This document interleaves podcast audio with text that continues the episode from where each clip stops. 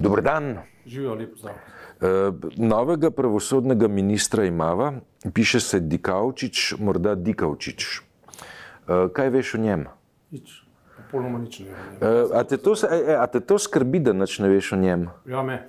No, a veš, problem je tudi uh, pravzaprav odsotnost vsega, vsega tega, kar bi moralo biti o njem povedano tam, ne, tam neka diskusija, tisti, ki ga podpirajo, bi se morali izpostaviti, recimo Nova Slovenija, Desus, uh, sam premijer Janša, ne, sploh ni prišel uh, na sejo in ga podprl ali kaj izrekel ali karkoli tazga.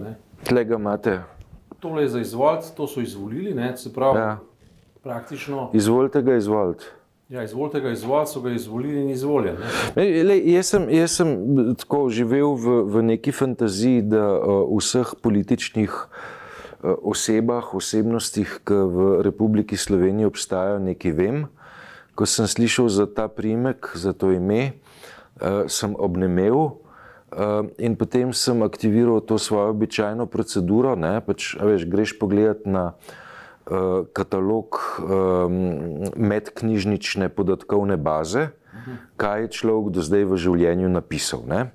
In pač o, o vseh, ki karkoli štejejo, ne, pač v tem katalogu lahko uh, prebereš uh, vsaj osnovne informacije, ker vidiš, kaj je človek napisal v življenju. E, Tudi tu ne, je katalog prazen, oziroma je noter en zadetek, to je um, naslov diplomske naloge iz leta, mislim, da 2006 ali 2007, se tam ukvarja z nekimi davčnimi dimenzijami.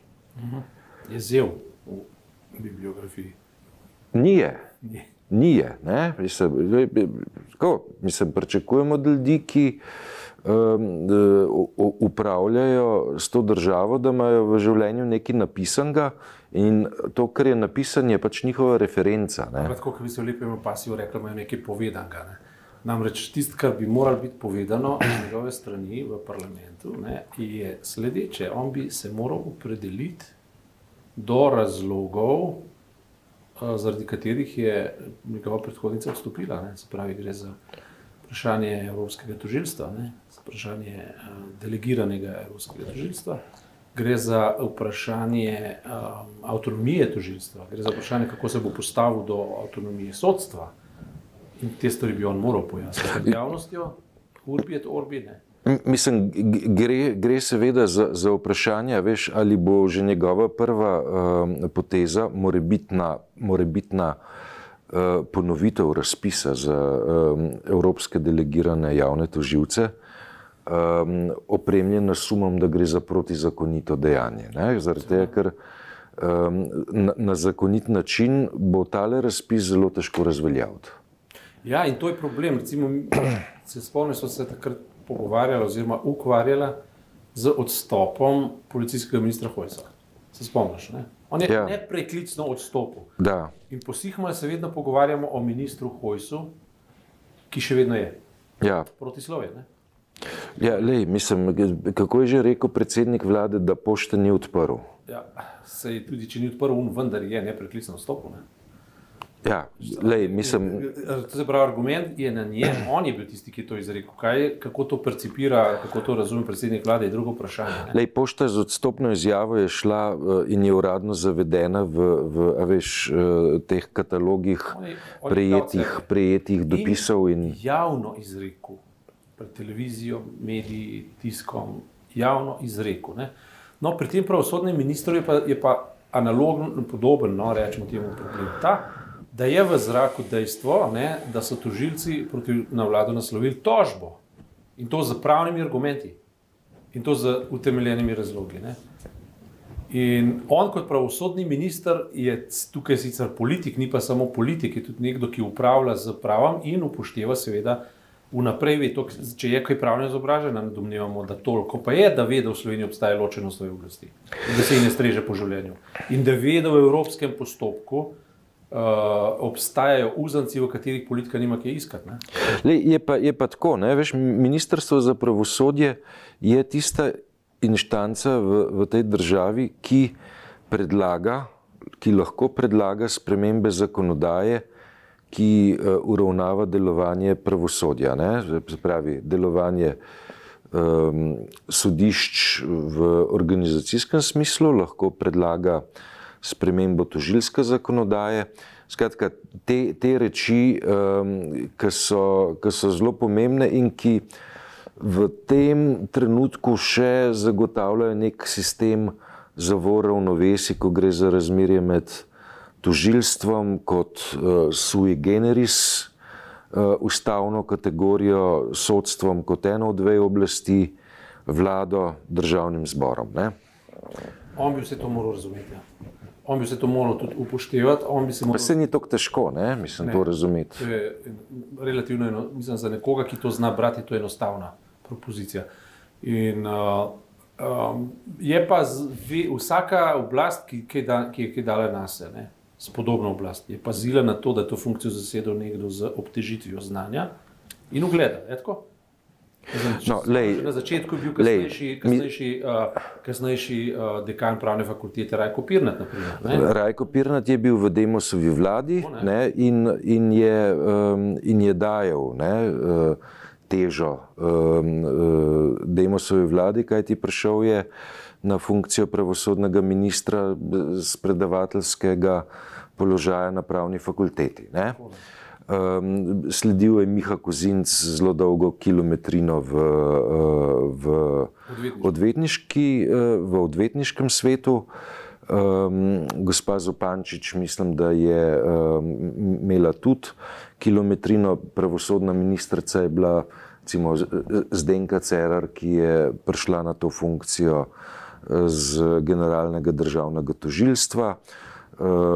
Dr. Lauro Šturm je prišel za pravosodnega ministra, potem ko je imel za sabo ugledno kariero ustavnega sodnika in še predtem zelo dolgoletno uh, kariero um, učitelja na, na pravni fakulteti, da ne naštevam naprej. Ne? Se pravi, osebe, ki so prihajale na Ministrstvo za pravosodje, so ustrezale definiciji osebnosti, ne pa osebe. Zdaj, dobro, ne, je uh, do uh, zdrsa, po mojem, prišlo že uh, pri, pri pravkar odstopljeni ministrci, um, gospe Liljani Kozlovič, ampak vendarle, tudi ona je prišla na pravosodno ministrstvo s tem, da je imela pač v delovski knjižci zapisano uh, tri pa pol leta službe uh, kot generalna sekretarka vlade Mira Cerarja, ne, ki pa je generalni sekretar vlade, je tudi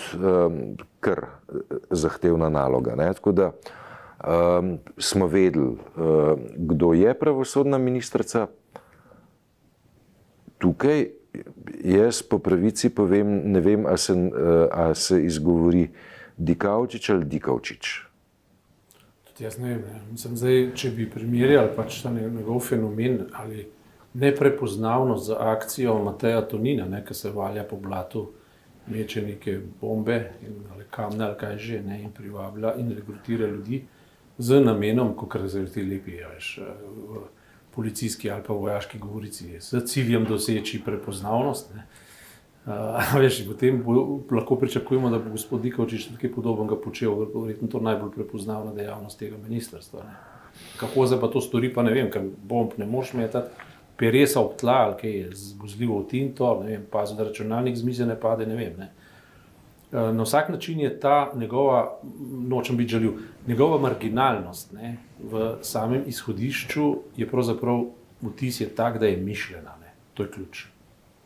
Mogoče on sploh ni slab fant po karakteru, kako koli. Mislim, da je mišljeno, da je bleda figura, da je neizrazit, da pravzaprav do konca mandata ne stori ničesar. Jaz mislim, da je tako mišljeno, da je, ta, da je to ideja. Ne? Ja, verjetno pa bo ponavljal razpis za delegirane evropske toživce. Ja, s tem se bo pa v zgodovino upisal, uh, kot, s tem se bo pa, pa Tinto polil čez svojo, čez svojo osebo. Ja. To, pa, to, pa, to pa definitivno govori. Vojska omenja, zdaj zakonodaja o orožju se spreminja. Ja, do, zdaj so, do zdaj smo naleteli v javnih sporočilih na, na ostre ocene levice, ne, ki so zelo, zelo kategorične. Ne. Ta trenutek jaz čist premalo poznam, da bi lahko rekel, ali so realne ali niso realne, so pa zelo kategorične. Namreč, da zakon o orožju spreminja oblast, zdaj šlo čez drugo branje v matičnem odboru, da zakon o orožju spreminja v imenu usklajevanja z evropsko zakonodajo način, na način, da bodo, form, da bodo lahko oborožili uh, zasebne lastno uh, vojaške formacije. To je očitek. Ja, zdaj, To je očitek, ne. to je drzna teza. Ne? To je drzna teza, če je. Če je Mi dva ne bova rekla, da je to dejstvo, je pa vredno preverjanja. Ja, lej, predvsem je tako klicaje treba postaviti v luči tega, in na to, na to pa so eh, v tej izjavi tudi upozorili, ne, da imamo pač že predhodne indice, in to je v, tis, v smislu tiste deklaracije, ali, uh, na, pač, uh, ki je SDS najavljala uh, noč dolgih nožev, uh, najavljala kristalno noč. Skratka, Govoriva o kongresu prihajajočem. Ja, v, Ja. Mislim, tam so prihajajočem kongresu so v bistvu izhodišča postavljena zelo radikalno in levica jih je zdaj samo povezala. Ne. Je pa seveda do neke mere razumljivo, da je radikalna se je vendar bila uh, v bistvu tarča ne, te, te, uh, teh uh, obtožb prav levica, ne, češ da jo je treba tako rekoč ukiniti, da, je, da je njena vsebina protiustavna, da je kot stranka protiustavna, da je treba v parlamentu diskutirati in problematizirati njen program in podobne stvari. Ne samo to, tisto, kar je bolj zanimivo, je, da je treba z mesta parlamenta pozvati pristojne državne inštitucije naj budno spremljajo, kaj se s to stranko dogaja, ker je za moje pojme denunciacija ene parlamentarne stranke. Policiji, obveščevalni službi, morda še komu. Ne? Ker je pa, ker je pa za moje pojme nepojemljivo. Opozarjam Ne? na en, en spet zanimiv razmislek, ki mu jaz zdaj ne znam določiti či- prave teže, ampak na necenzurirano so, raz- eh, po- po- pokažejo, ne, kako v bistvu policija ustanavlja nek nov skvot, nek novi oddelek, kot usporedni oddelek, že enega oddelka, ki se bo ukvarjal pa natanko s tem, ne, z nekimi um, sivimi temami, ne, ki naj bi se sicer tikale kriminala, kriminala kot kriminala, ampak imenovanja bodo tajna, netransparentna, zaposlenih bo tam 50 ljudi, dodatnih 50 ljudi in tako naprej. Ne. Implicirajo, da je ta v tem članku v portalu necenzurirano, implicirajo, da je ta praksa skrajno nenavadna in da če jo ekstrapoliramo, če jo povežemo s tem, kar Janša govori in dela silo nevarna. Ne. Sprav, če vsa ta dejstva, lej, mi dva bi zdaj naredila napako, ne. če bi zatrdila Janša, bo to naredil, SDS bo to naredila in tako naprej, ker nimava materialnih dokazov ta trenutek. Ne. Čist nič pa ne zgrešiva, če rečemo, postavimo klicaj in opazujemo. Ne. S tem pa nič narobe. Ne.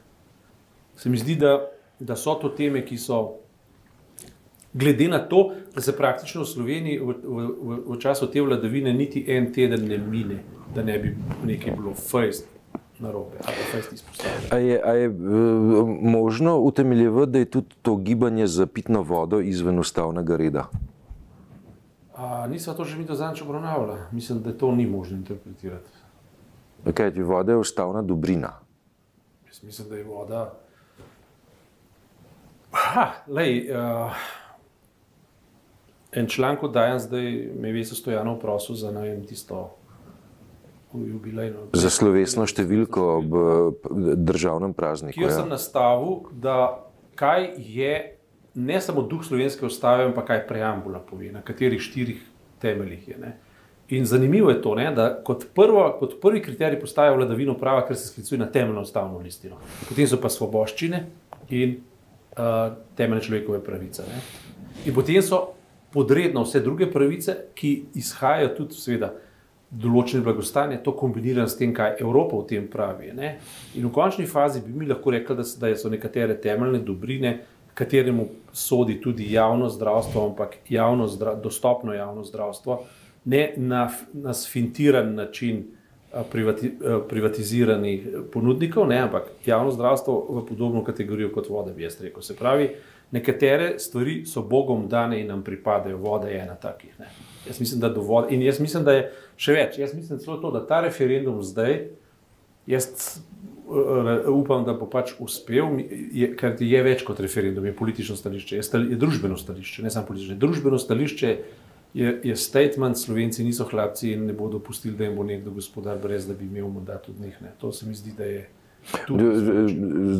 Pojasni mi, tle pa te ne razumem. Lej, eden od členov v preambuli slovenske ustave je, da smo Slovenci v zgodovini eh, upora prišli v, stole, v dvestoletnem boju do samobitnosti, ki je vodila v samostojno državo. To je dikcija, ki dejansko pokaže na moment osvobajanja od nadvlade gospodarja, ki je imel ta prostor družbeno in zasebno in ideološko za hlapce.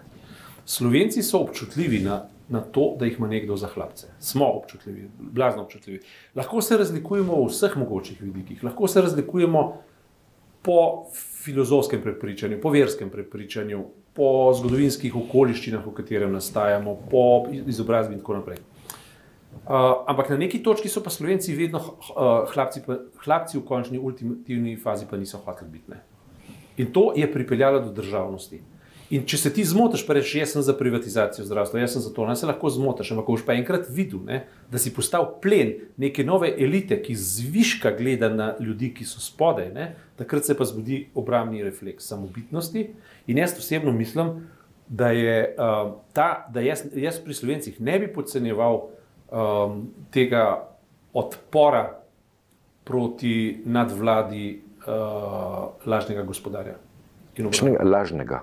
Ja, lej, to je hegelijanska Dobro, ja. hlapca in gospodarja. Ne, je, ja. Hlapec je hlapec, gospodar je pa tisti, ki se ne boji umreti. Uh mhm. -huh. To je začetna pozicija. Ne. In nek, nekdo se na neki točki je bil drzen, nekdo si pa ni upal in, je, in se je moral podrediti. Ne. Ampak sama slovenska državnost v 30-letnici, to že lahko rečemo, je vendar zgodba o tem, da je nekdo postal gospodar in je premagal pozicijo hlapca. Dobro, Bilo bi patetično reči, da je bilo devet dni vojne, v kateri se nismo bali umreti. Ne? To bi bilo patetično. Ne? Tistih devet dni ni neka štiriletna vojna. Ne? Ampak je pa simbolna pozicija, je pa bila. Ne? Uh, zdaj smo pa na točki, ko se vse to lahko podre, skozi osebo, ki se razgla razglaša za osamosvojitelja. In zelo dolg čas, zelo veliko število ljudi ti lahko vlečeš za nos. Na neki točki se pa otegnejo pošteni privrženci, njegovi lastni, obrniti proti njemu, ne zato, ker ga bi zasovražili, ampak zato, ker sovražijo laž in sovražijo biti hlapci. To, to sem hotel povedati.